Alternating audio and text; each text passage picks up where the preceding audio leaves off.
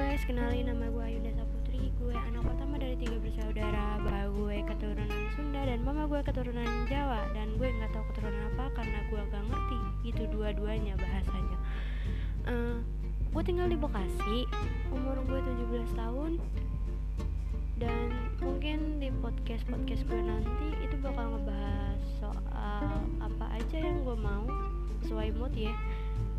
Gue bakal ngebahas tentang pribadi gue cerita masa lalu ataupun lainnya